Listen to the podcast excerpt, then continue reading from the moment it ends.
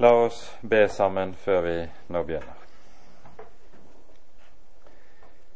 Kjære gode Gud, Hellige Far. Så takker og lover vi deg for all din nåde og all din godhet imot oss. Takk du trofaste Gud, at du har holdt oss oppe like til denne dag, i din store miskunnhet. Takk, Hellige Herre, at du lar din nåde være ny hver morgen, fordi du har gitt oss din egen sønn, og har lovet også å gi oss alle ting i og med ham. Nå kommer vi, Herre, frem for ditt ansikt, og vi ber deg, kom du selv med din hellige ånd og vær hos oss. Gi oss lys i dine ord, og vil du gi din ånd i hjertene våre, så vi både kan forstå og ta imot det du har å si. Herre, forbarm deg over oss. Amen.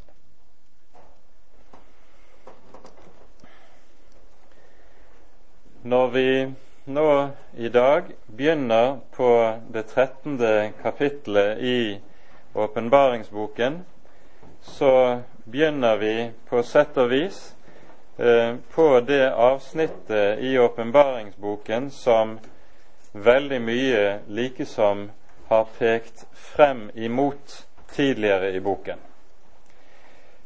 Med det trettende kapittel så begynner et avsnitt som strekker seg frem til og med det attende, kanskje vi også kan si det nittende kapittel, der det hele dreier seg om historiens avslutning, som har likesom sitt sentrum i det som berettes om Antikrist og hans rike. I det trettende kapittel så konsentreres det særlig om Antikrists person, mens når vi kommer til det 16., 17., 18. kapittelet, er det først og fremst hans rike det tales om. Mens det 14. og 15. kapittel eh, representerer et innskudd i denne sammenhengen, et innskudd av den art som vi finner gjennom hele åpenbaringsboken. Vi skal se nærmere på det etter hvert. Vi står altså overfor et avsnitt som vier den historiens avslutning, den siste korte perioden umiddelbart før Jesu gjenkomst, bred oppmerksomhet. Mens det vi tidligere har hørt i åpenbaringsboken, der er hele den øvrige historie behandlet, vi kunne si nokså summarisk og mer på en slik måte at, en, at uh, apostelen kun gir oss grunnriss i det som er lovene i Guds historiske verdens styre. Men så, her i disse kapitlene, så gås det altså på en helt annen måte i detalj når vi er inne i en bestemt historisk epoke, denne avslutningsepoken. Dette avsnittet ble innledet slik vi så det i den siste bibeltimen før sommerferien, med kapittel 12. Og dette kapittel 12 i åpenbaringsboken, det representerer på mange måter sentralkapittelet, høydepunktet i hele boken. Her er likesom det som er hovedtema i boken, likesom det er hovedtema i hele frelseshistorien, samlet i en konsentrert sum. Vi skal ikke repetere mye av det, men bare peke på at når vi hører om kvinnen som føder barnet i det tolvte kapittelet, og om drakens fiendskap mot kvinnen og mot barnet, så er det i dette, like som i det symbolspråket vi finner i åpenbaringsboken, gitt uttrykk for det som allerede er sagt i Første Moseboks tredje kapittel og femtende verset. Der hører vi Guds domsord over slangen etter syndefallet, der Herren sier til slangen:" Jeg vil sette fiendskap mellom din ett og kvinnens ett. Den skal knuse ditt hode, men du skal knuse hans hæl. Og det er dette fiendskap mellom kvinnens ett og slangens ett som er temaet i kapittel 12, like som det er det i hele frelseshistorien. Kvinnens ett, det er for det første Guds egen sønn, og så for det andre alle de Guds barn som hører ham til. Det er kvinnens ett. Slangens ett, det representeres på motsatt side av den onde og alle de som hører denne verden til. Og så har du den kamp mellom disse to som altså er grunntema i frelseshistorien. Kvinnen som føder barnet, det er symbolet på Guds folk her i kapittel 12. Og barnet som fødes, det er altså Guds sønn, Herren Jesus, og hele hans frelsesgjerning omtales meget kort, bare noen ganske få vers, så det er så komprimert. Mens det som så er sentralverset i kapittel 12, det er det vi hører i det ellevte verset, når det ses frem mot avslutningen og seieren over slangen, over draken, så sies det om Guds folk de har seiret over ham i kraft av lammets blod og det ord de vitnet. Og de hadde ikke sitt liv kjært like til døden. Det er seieren.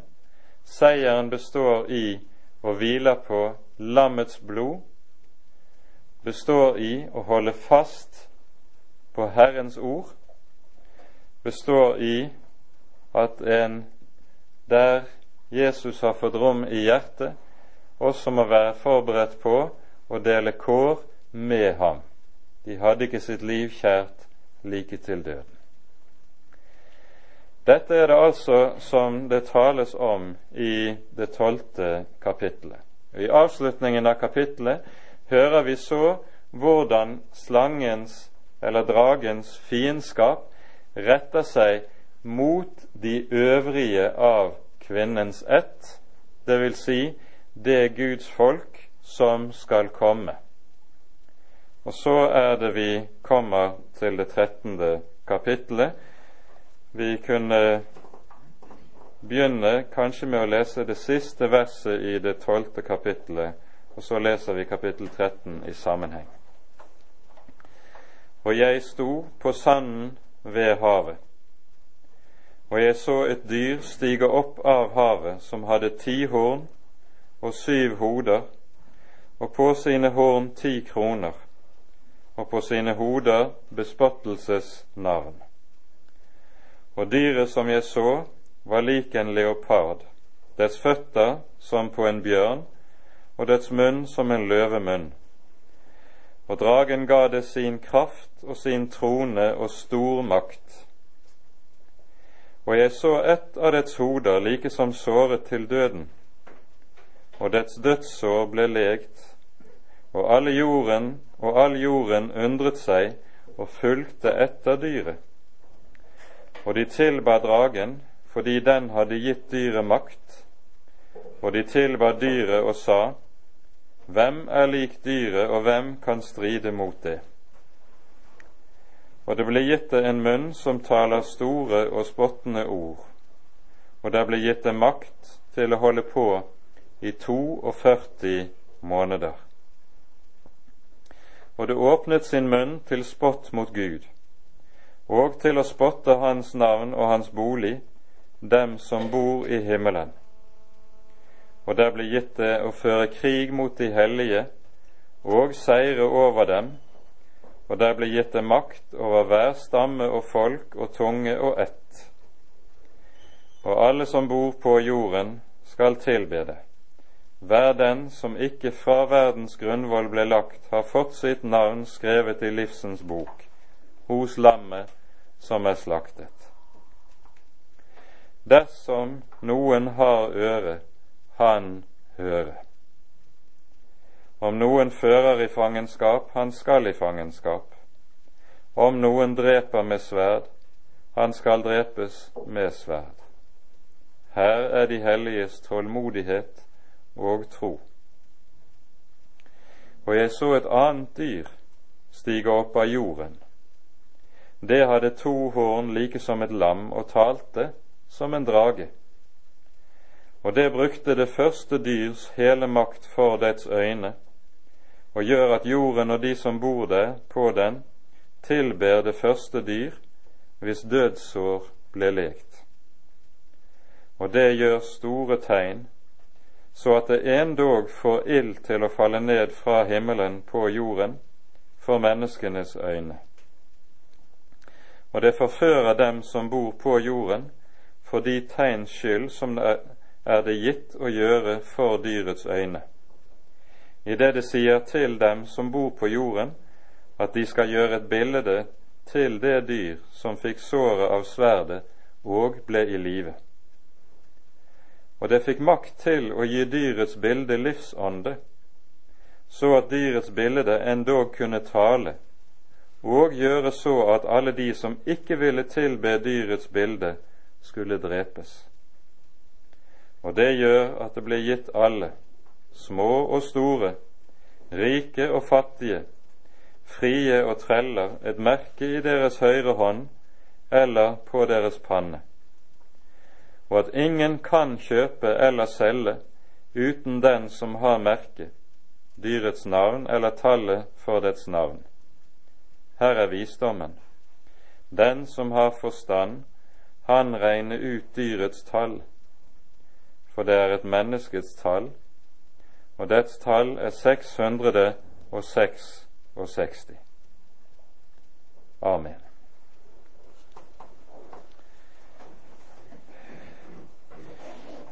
Ser vi på noe av kunsten fra middelalderen, så vil mange av dere være fortrolig med at dette bildet som vi møter her i åpenbaringsbokens 13. kapittel, det er et av de hyppigst forekommende i svært mye middelalderlig kunst når en skal uh, illustrere Bibelen.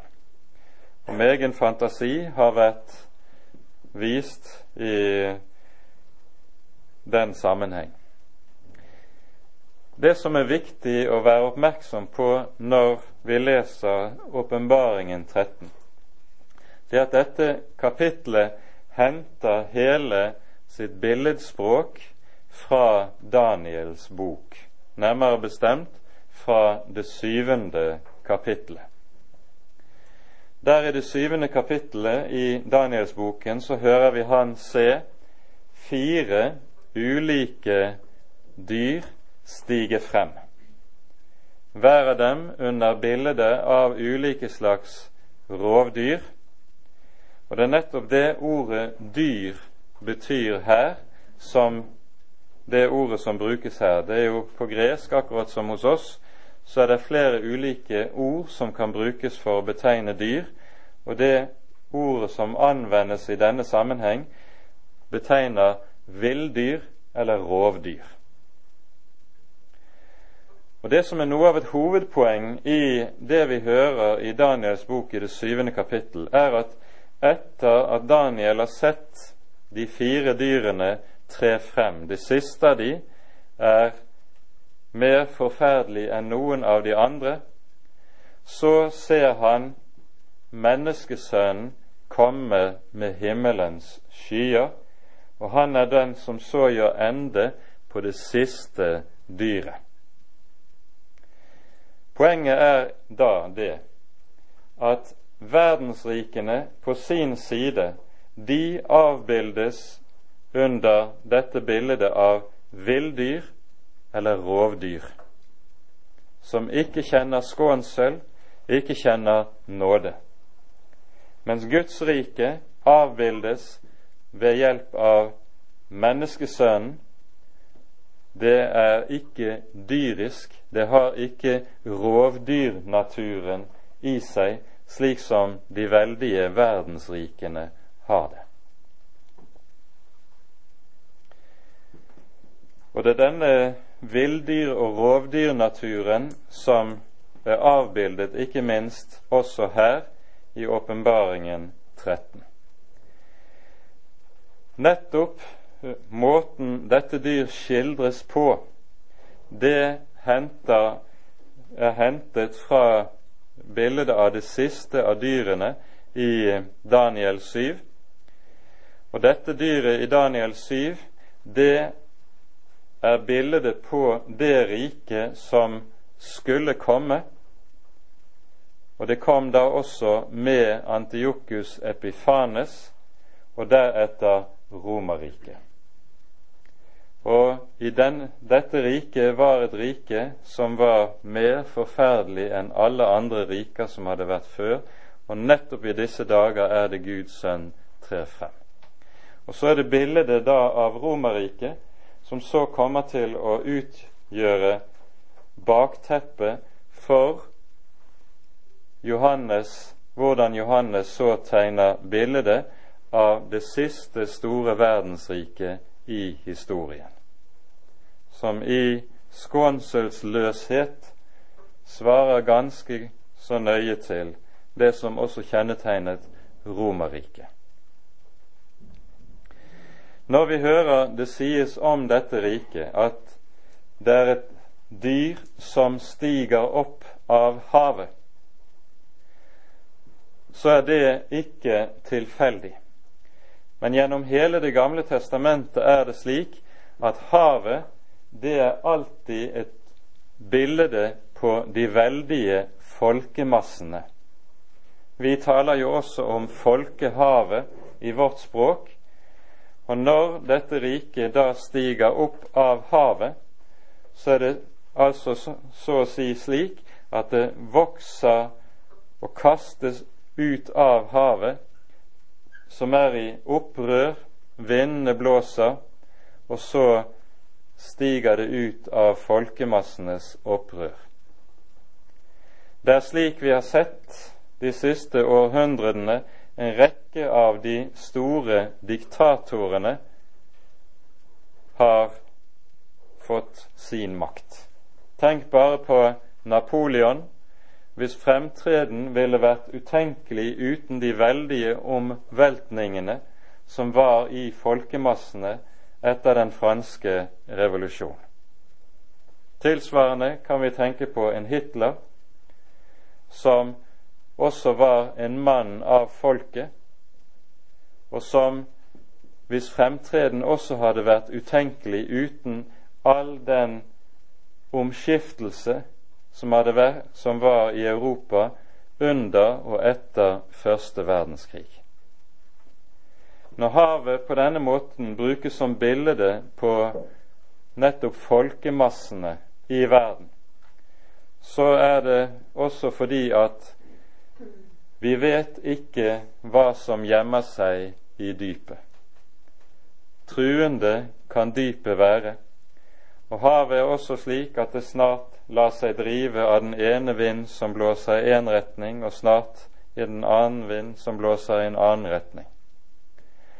Og av dette opprørte hav er det så Antikrist og hans rike til slutt skal komme til å tre frem.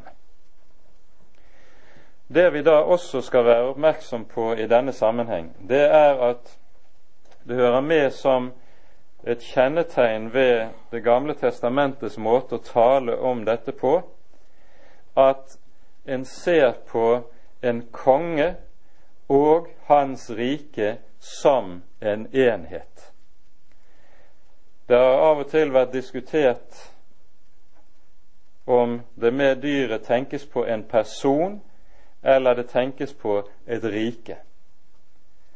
Nett, en sånn diskusjon ser nettopp bort fra det som er karakteristisk for Bibelens måte å tenke på. Kongen og hans rike betraktes som en enhet. Og Derfor kan villdyret, som det her er tale om, både betegne Antikrist person og betegne det rike han råder over. Når vi ser hvordan denne, dette villdyr skildres, så skildres det nettopp slik som det kommer til syne for Johannes. Det første som kommer opp av vannet, er hornene, så kommer hodet, og så det øvrige av kroppen. Og det er på denne måten det også beskrives. Først beskrives hornene, så hodene, og så kroppen. Nærmere uh, utleggelse av hva disse horn og hoder innebærer, det får vi i det 17. kapittel fra vers 9 av. Vi skal ikke bruke mye tid på det i dag, men kommer tilbake til det i forbindelse med det 17. kapittel. Vi kan bare si så mye at de syv hodene er bildet på syv fjell, som igjen symboliserer syv kongeriker, eller store nasjoner, som sammen utgjør maktbasisen for denne herskerens fremtreden. Og De ti hornene representerer da ti konger, hvorfra han fremstår som en av dem. Vi skal komme tilbake til det etter hvert. Rovdyrnaturen gis meget tydelig ut fra sånn som dyret skildres, men legg så merke til hva som sies i slutten av vers 2.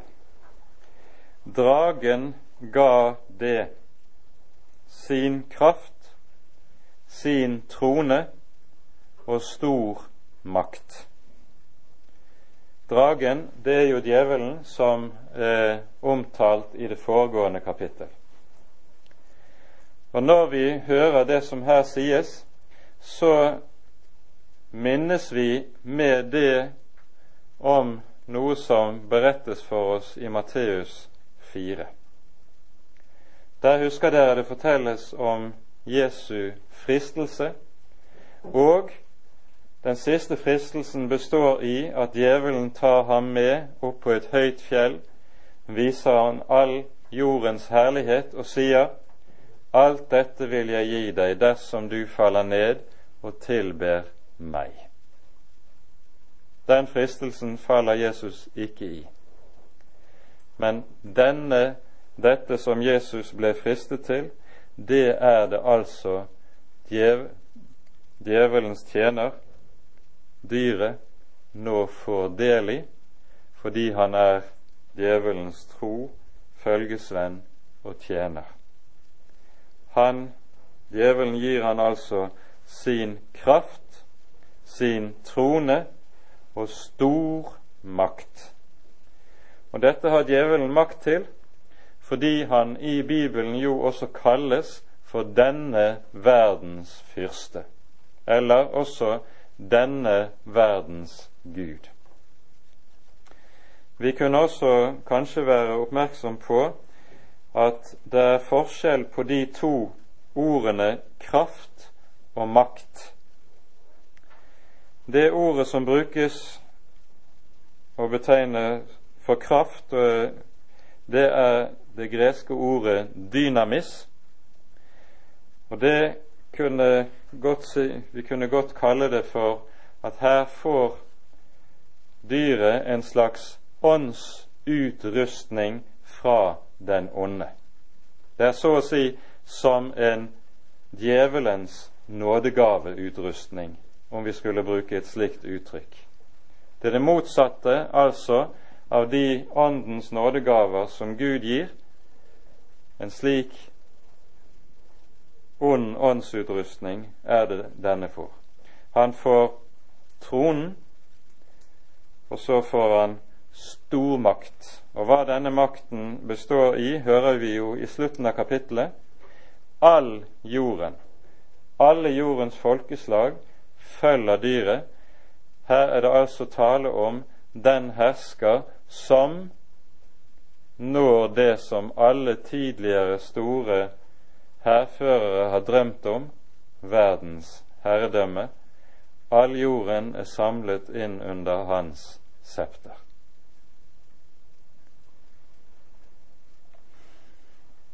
Det vi så hører i det tredje verset, skal vi også merke oss. Jeg så et av dets hoder like som såret til døden. Et støttsår ble lekt, og all jorden undret seg og fulgte efter dyret. Og vi hørte lenger ute når det var tale om denne falske profet som eh, eh, skulle tre frem og forføre folkeslagene slik at de følger dyret. Eh, der nevnes også dette med at dødssåret til dyret var blitt leget. Det som antagelig ligger i dette, er at denne person så å si kommer til å imitere Jesu død og oppstandelse. Han er altså en som så å si gir seg ut for og ligner Kristus i hans død og oppstandelse. Men det er altså noe helt annet det handler om i virkeligheten. Og fordi all jorden ser hva som skjer, at han likesom kommer tilbake fra døren, er de tilbake fra døden, så er de i undring og følger dyret. Her er jo en som har beseiret døden. Så det største tegnet som dyret altså gjør, av alle de andre tegn som vi hører om senere, det er at han kommer, som det kan se ut, tilbake fra døden. Han har ikke vært virkelig død. Det ser vi av måten eh, teksten uttrykker seg.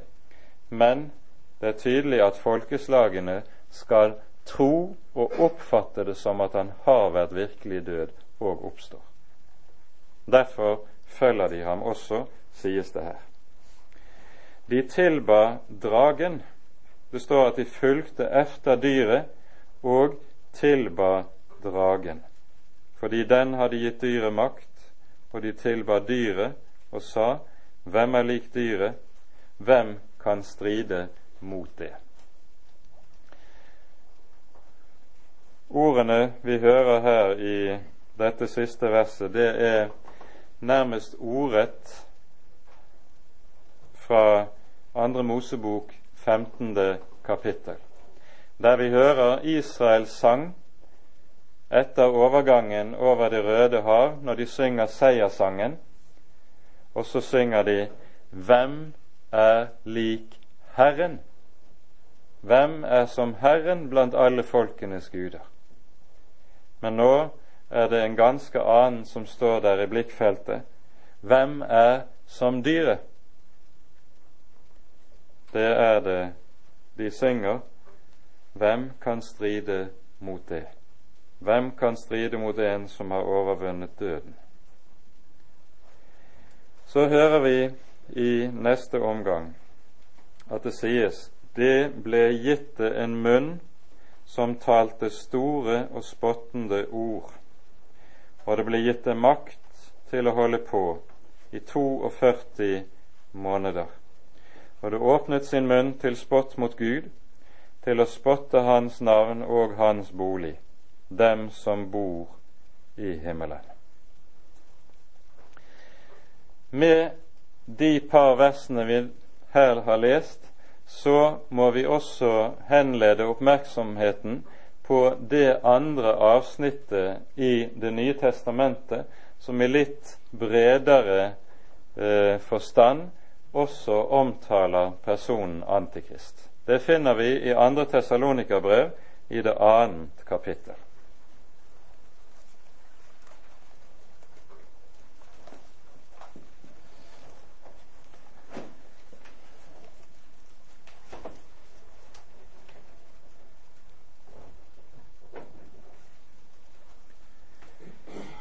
Her hører vi um, det tales om fra vers 3 av til og med vers 12 om Antikrists fremtreden, hva som betinger denne, og hva som skal kjennetegne denne.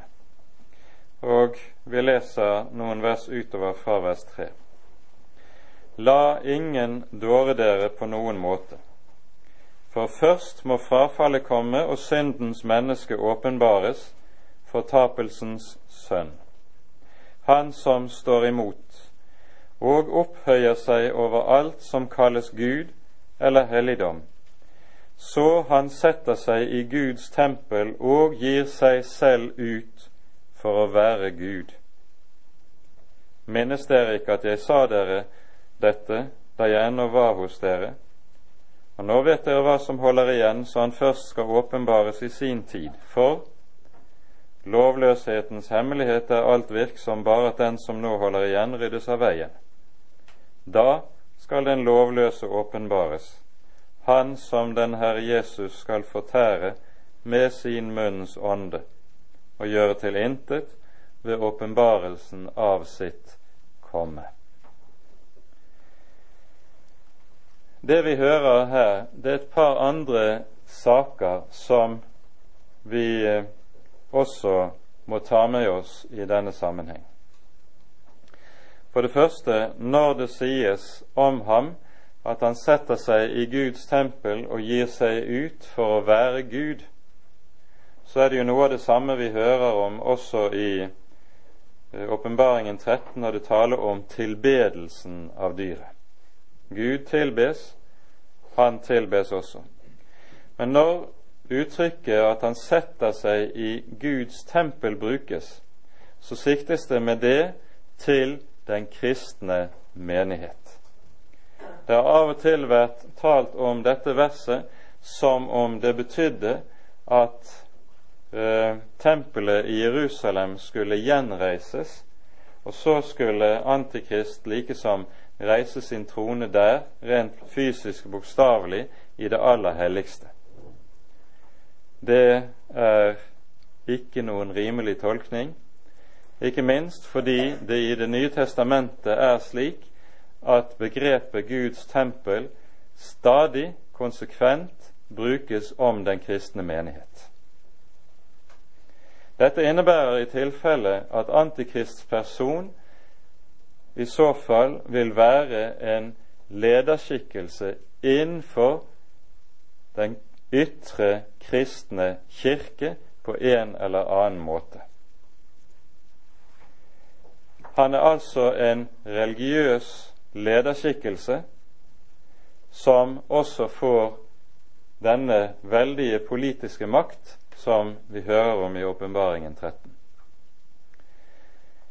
Hva er det som kjennetegner ham? Når Paulus tegner bildet av ham her, så er det også her slik at han likesom griper tilbake til begynnelsen i Bibelen. Det er jo i det hele tatt veldig mye i åpenbaringsboken som er slik at Bibelens avslutning henger på det nærmeste sammen med dens begynnelse. De tre første kapitlene i Første Mosebok. Og Det som er poenget her, det er at i Første Mosebok 3.5 så hører vi hva som er syndefallets egentlige kjerne. Her sier slangen til Eva når han skal friste henne, dere skal bli som Gud. Det er det som er syndens egentlige kjerne. Menneskets trang til å ta Guds plass, sette seg i Guds sted, avsette Gud fra tronen for at mennesket selv kan være herre over alle ting. Det er det som er det egentlige kjernen i synden. Det er det som er det sataniske i fallet. Man har kalt dette for menneskets veldige overmot, eller hybris, eller hovmot, eller hva det nå må være. Men det er altså dette Guds opprøret som er syndens innerste vesen. Det som skjer når Antikrist trer frem på arenaen, det er at ved denne tid når synden så å si sitt, fyll, sitt fulle mål. Da ser vi fullt, i fullt utviklet form hva det innebærer når mennesket vil guddommeliggjøre seg selv ved å avsette Gud. Og så blir mennesket ikke guddommelig, men det blir dyrisk. Om dette har en tysk teolog under kirkekampen før siste verdenskrig sagt slik humanitet uten divinitet blir bestialitet. Og det er meget godt grepet i, i en kjerne hva det her handler om. Vi hører altså hva det er som skal kjennetegne Antikrist. Det er syndens innerste vesen, gudsopprøret, som kommer til uttrykk i hans person og i hans rike. Og Dermed er det også helt i sakens natur at fiendskapet hans retter seg mot de som enda holder fast på Guds ord og Herren Jesus Kristus. De er de fremste objekter som han retter målbevisst sitt fiendskap mot, og som vi hører lenger ut i det 13. kapittelet. Han forener altså i sin person både den verdslige og den åndelige makt.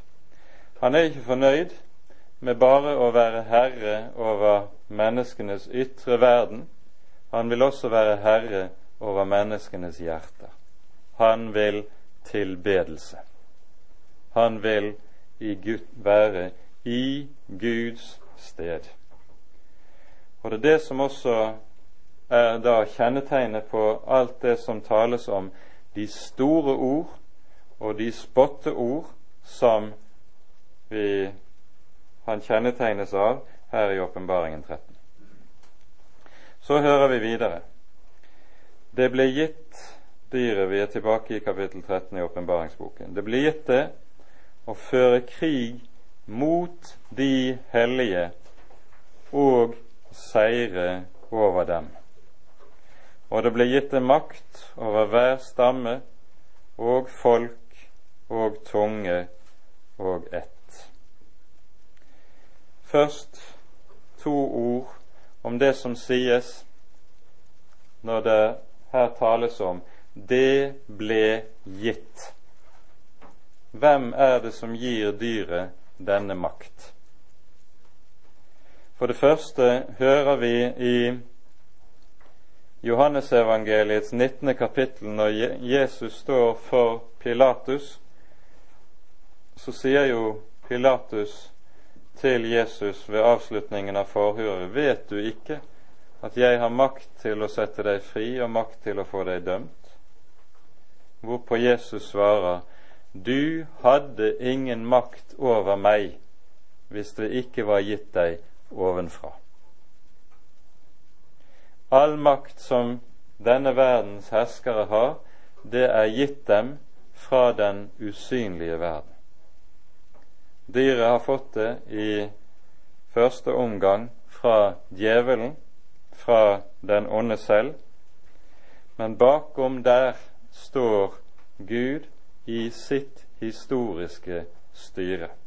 Og Da må vi eh, gå til Romerbrevet, det første kapitlet.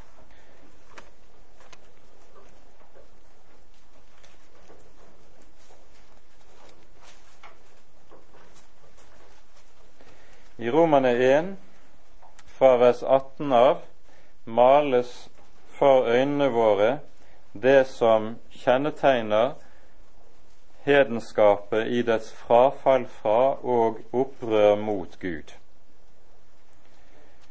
Så sies det fra vers 21 av fordi de enda de kjente Gud, ikke æret eller takket ham som Gud, men ble dårlige i sine tanker, og deres uforstandige hjerte ble formørket. Mens de gjorde seg til av å være vise, ble de dårer. De byttet den uforgjengelige Guds herlighet bort mot et bilde, en avbildning av et forgjengelig menneske av fugler og firfødte dyr og krypdyr. Derfor overga Gud dem i deres hjertes lyster til urenhet. Og så vil dere se, når dere leser dette avsnittet i sammenheng, at tre ganger i de versene som nå følger, så sies det derfor overga Gud dem. I det ligger det at når mennesket vender Gud ryggen, forkaster Guds ord og gir seg hen til synden, så gir Gud mennesket i syndens vold og i syndens makt. Han overgir dem, er det uttrykket. Rent subjektivt oppleves dette av de som opplever det, som at de får anledning til å gjøre akkurat som de selv har lyst til. De opplever det rent subjektivt som en herlig frihet.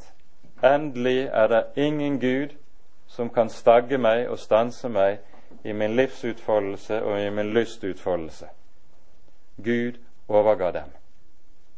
Nettopp det på denne måten å være overgitt opplever de det rammer subjektivt, altså som frihet. Endelig er de fri fra Gud. Mens det som altså skjer, det er at Gud gir mennesket i dets egne lysters og i syndens vold. Og Det er noe av det som ligger bak når vi hører det som sies her i Åpenbaringen 13. Det ble gitt det. Det er noe av den dynamikk som ligger i forherdelsen, at en gis i det ondes vold når en gir seg selv i det ondes vold. Men her Dette uttrykket ble jo brukt hele fire ganger bare i løpet av disse par versene i Åpenbaringen 13. Men nå hørte vi altså det ble gitt det å føre krig mot de hellige. Kampen mellom kvinnens ett og slangens ett, som er en åndskamp i ordets mest egentlige forstand, den når også sitt høydepunkt ved historiens avslutning. Og Her skal vi legge merke til at det som Bibelen sier om Herren Jesus, det er noe som gradvis mer og mer kommer til også å gjelde for Guds folk som helhet. Krigen der det står det blir gitt det å seire. Det betyr at den ytre kristne menighets eller kirkes makt, om man så skal bruke et sånt uttrykk, det er et galt uttrykk, men la det nå gå likevel, den er knekket. Den ytre kristne kirke vil ikke lenger kunne finnes. Guds folk kan kun overleve ved å skjule seg på ny i katakombene og bak hjemmets fire vegger. Ingen offentlighet vil det, kristen offentlighet vil det lenger kunne være. Det blir gitt det å seire. Og Samtidig forstår vi av det som her sies, at det som varsles, det er den største forfølgelsestid som historien har sett, når det taler om kristen forfølgelse.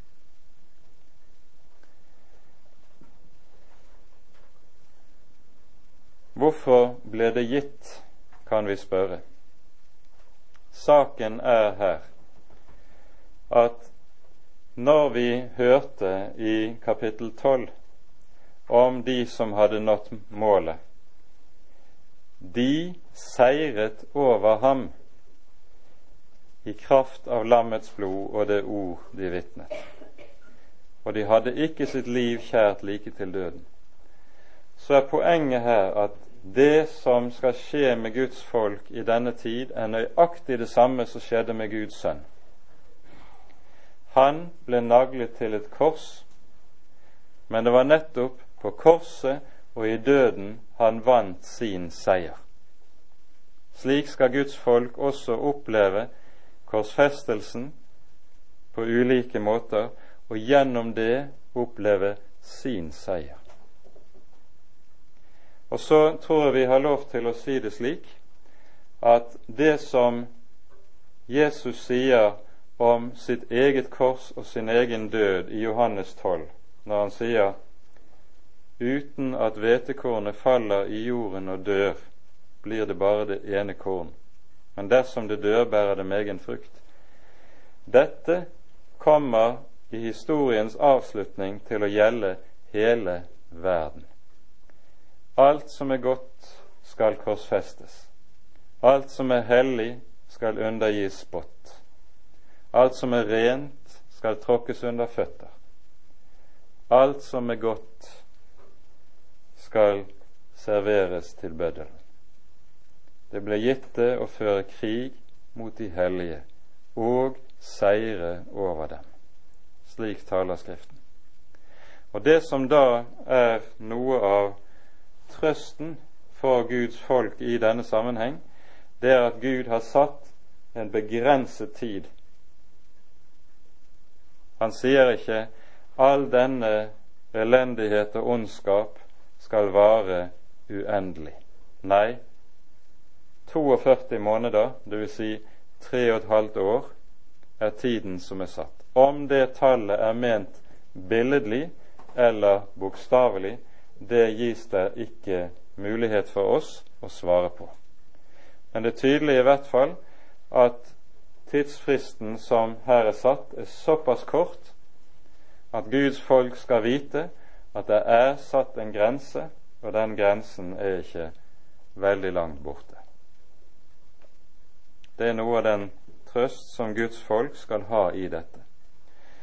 Og Her kan vi godt være klar over at i dette finner vi også noe av det som er hovedhensikten med at åpenbaringsboken er gitt.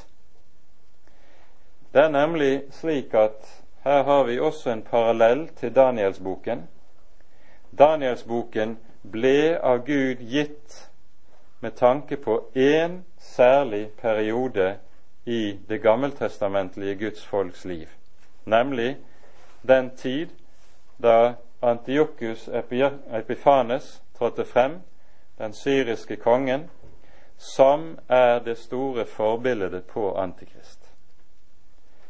Da opplevde Guds folk i gammeltestamentlig tid sin store forfølgelsestid og lidelsestid, og ble satt fri fra dette gjennom makabeerne. År 167 før Kristus var Antiokus beseiret. Men det er altså denne kong Antiokus som utgjør forbildet på Antikrist, slik han er tegnet her.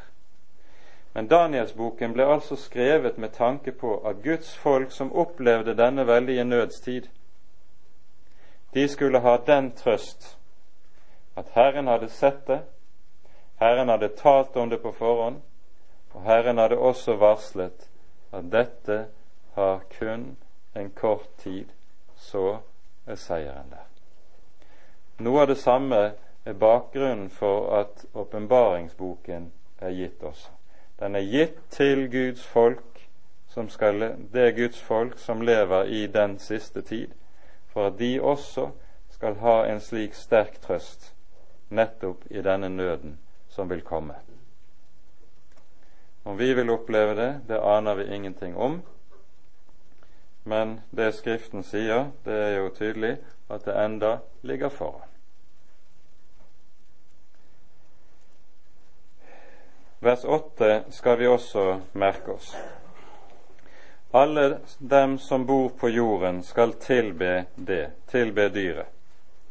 Hver den som ikke fra verdens grunnvoll ble lagt, har fått sitt navn skrevet i livsens bok, hos lammet som ble slaktet. Her er det altså tale om de som ikke har latt seg forføre de som hører til Jesu får. Om dem sier Jesus, mine får hører min røst. Og de, jeg kjenner dem, de kjenner meg, og de følger meg. Og ingen kan rive dem ut av min hånd.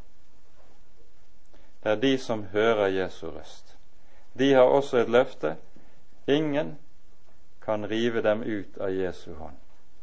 For, sier Jesus i samme avsnitt i Johannes 10, min Fader som har gitt meg dem, er større enn alle. Ingen kan rive dem ut av min Faders hånd. I dette ligger Guds folks trygghet midt i den nød som ligger der. Vi skal også være oppmerksom på at dette verset også kan, og kanskje helst også skulle vært oversatt noe annerledes nemlig alle som bor på jorden skal tilbe dem, hver den som ikke har fått sitt navn skrevet i livets bok, hos lammet som er slaktet fra verdens grunnvoll ble lagt. Det er nemlig slik grammatikken henger sammen.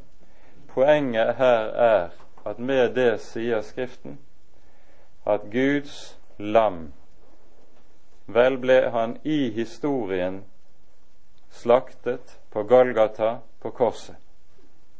Men han er dog slaktet fra verdens grunnvoll ble lagt, dvs. Si, Gud har i sitt råd før skapelsen bestemt at hans sønn skulle lide døden på et kors for en fallen slekt. Og også av den grunn i sitt råd like fra begynnelsen av regnet med dette kors som det eneste som gjelder i hans øyne. Derfor har forbilledene på hans lidelse og hans kors i Det gamle testamentet den kraft de har. F.eks. når vi taler om ofrene og offertjenesten i den gamle pakt. De henter sin kraft fra dette. Lammet ble slaktet fra verdens grunnvoll ble lagt. Vi, med dette ligger det altså en veldig trygghet i at barnekåret vårt hos Jesus, det er ikke grunnfestet i noe som hører tiden til. Tidens tann tærer på alt som hører tiden til. Men her er det noe som er fast i Guds råd fra alle evigheter og skal stå i alle evigheter. Derfor står det. Og Derfor er det også slik at den som bygger på den grunnvoll, han bygger på det eneste som holder, når alt annet faller. For det er jo det som skjer i fortsettelsen, og som vi skal se mer av når vi kommer så langt. Alt annet skal etter hvert falle, men det er noe som står. De seiret over ham i kraft av lammets blod og det ord de vitnet. Og de hadde ikke sitt liv kjært like til døden, sto det. Før vi setter punktum, må vi si noen ord også om siste delen av kapittelet, kapitlet, der vi hører om den falske profet. Det er altså Det vi har for oss her, er det enkelte fortolkere har kalt for den djevelske treenighet. Du har dragen, du har dyret, og du har dyrets profet. Og Legg merke til med hvilke trekk dyrets profet tegnes. Det ser ut like som et lam, men det taler som en drage. Altså, det har en fremtreden som virker uskyldig og tillitvekkende. Og i så måte så er denne dyrets profet så å si endemålet på det som Jesus taler om når vi ellers hører om de falske profeter, de kommer til dere lik ulver i saueham, i fåreham. Sånn er det tydelig også med denne den falske profet. Og han har en forførende makt som altså gjør at folkeslagene følger dyret. Den forførende makt gjelder, ligger både i hans budskap Han taler om dyret som har beseiret døden. I det vinner han mange tilhengere. Og han har også fått gitt seg makt til å gjøre store tegn og under. Og dermed kan disse ekstraordinære tegn og undergjerninger fungere som legitimasjon på at her kommer dyret med Guds eget mandat inn i historien og med krav på fra Gud selv om å ha denne stilling og makt både i menneskenes hjerter og i menneskenes verden for øvrig. Det samme sies jo også i 2. Tessalonika-brev, det annet kapittel. Vi leste ikke de versene, men der sies det også om at alle de som ikke tok imot kjærlighet til sannheten, så de altså med det lot seg frelse, de var hjelpeløse i møte med forførelsen. Når det så kommer denne forførende makt, både med tegn og under, og taler slikt et budskap, så faller all jorden til fote. Vi hører mer om denne falske profet senere. Der tales om bildet, dyrets bilde som blir reist om rundt omkring der menneskene samles. Og her møter vi et trekk som er ganske klart hentet fra Johannes samtid.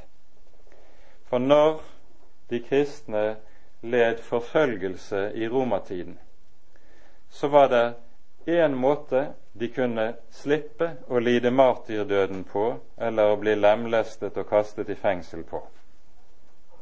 Det var ved å ofre til keiserens bilde. I rettssalene der de kristne ble stilt frem, der var det også satt opp en bystehjerne eller en statue av keiseren. Og dommeren tilbød regelmessig de kristne når de kom og ble ført frem for seg. Du behøver bare å ofre en skål røkelse, så kan du berge livet. Du behøver ikke gjøre noe annet. Du behøver ikke engang mene noe med det, men du skal bare gjøre det. Og slik skulle de ofre til keiserens bilde, og så berge livet. Det som kjennetegnet Guds folk da, var jo nettopp de hadde ikke sitt liv kjært, like til døden. Og så var romertiden den store martyrtid, den første store martyrtid i Kirkens historie. Noe lignende er det altså vi ser tegnet for oss her. I tillegg til den rent fysiske, harde forfølgelse som går på livet løs for mange, mange, så er det også en sosial utestengelse som kommer i form av sanksjoner. Det er tale om dyrets merke som settes på panne eller høyre hånd. Det har også en underlig parallell i Det gamle testamentet. For vi hører f.eks. når Gud gir de ordene som gjerne kalles for Israels trosbekjennelse i 5. Mosebok 6. kapittel. Hør Israel, Herren vår Gud.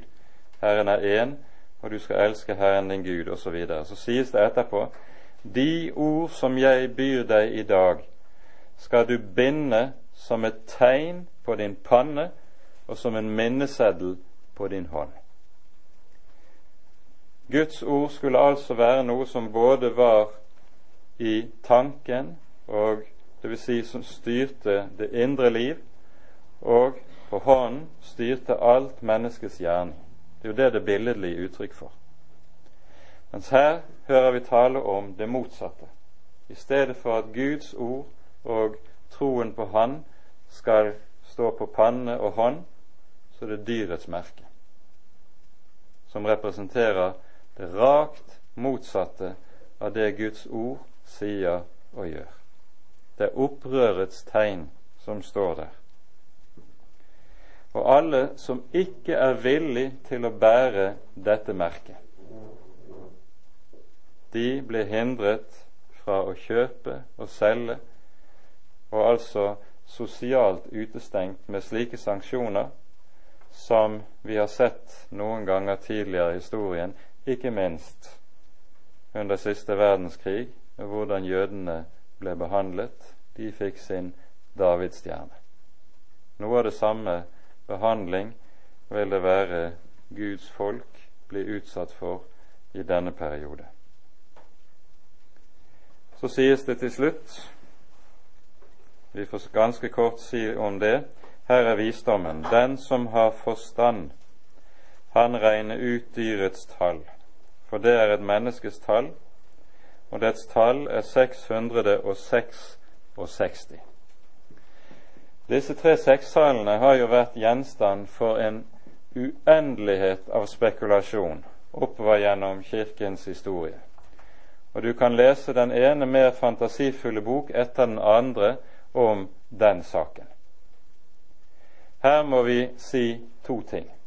For det første skal vi vite det Jesus sier i Johannes 14, skal vi merke oss meget nøye. Jeg har sagt dere det før det skjer, for at dere skal tro når det skjer. Det innebærer vi skal ikke på forhånd kunne være i stand til å regne ut eller finne ut hvordan dette vil kunne være. Men når det kommer, da skal vi kjenne det igjen. Gud har sørget for å lage alt som har med det profetiske ord å gjøre, på en slik måte at vi ikke på forhånd vil kunne forstå akkurat hvordan det vil være.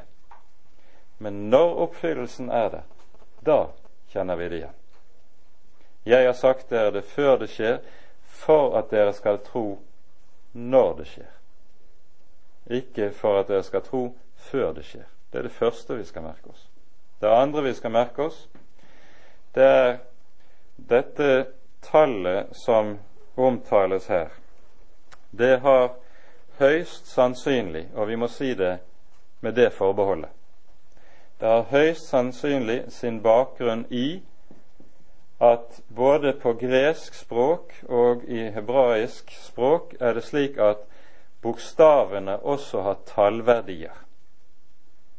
Og Da ville det være slik at hvis du regnet sammen tallverdien av navnet til denne personen Antikrist, hvis du var i tvil om hvem det var, og så kunne regne sammen tallverdien av navnet når det var skrevet enten med gresk eller hebraisk skrift, da ville tallverdien bli 666. Det er det som ligger i det, verken mer eller mindre sannsynligvis. Det er altså så å si den siste eh, test, testen, eller lakmuspapiret, som Guds barn kan bruke hvis man er i tvil. Kan dette virkelig være Han som Skriften taler om, eller skal vi enda vente på en annen? Så skal de vite det. Når han kommer, så stemmer også det trekket. Det er gitt altså med tanke på at Guds folk skal ha en så, så å si en siste test til å kunne kjenne igjen den det gjelder. Når dette er sagt, så skal vi minne om både det vi har pekt på fra det tolvte kapittelet. Seieren til Guds folk har gjennom store deler av den kristne kirkes historie kommet nettopp på den måten at man lider samme skjebne, man deler kår med Jesus. Seieren ligger i det. De har, de seiret over ham i kraft av lammets blod og det ord de vitnet. Så skal vi be om én ting, at vi får holde fast ved disse to, ved budskapet om lammets blod, hva vår frelse kostet har, og holde fast ved det ord som er gitt oss av Gud om ham. Det er det eneste som kan bevare Guds folk. Når vi bare holder fast der, da står Jesu løfte der også for Guds barn. Dødsrikets porter skal ikke få makt over det, selv i de tider da det er aller mørkest, sånn som vi kan høre om det her. For Jesus står ved sitt ord. Og så skal vi minne hverandre om det, og minne hverandre om det ene nødvendige som alt står og faller med for oss her i tid. De seiret ved lammets blod og det ord de vitnet. Amen. Ære være Faderen og Sønnen og Den hellige ånd, som var og er og være skal, en sann Gud, høylovet i evighet. Amen.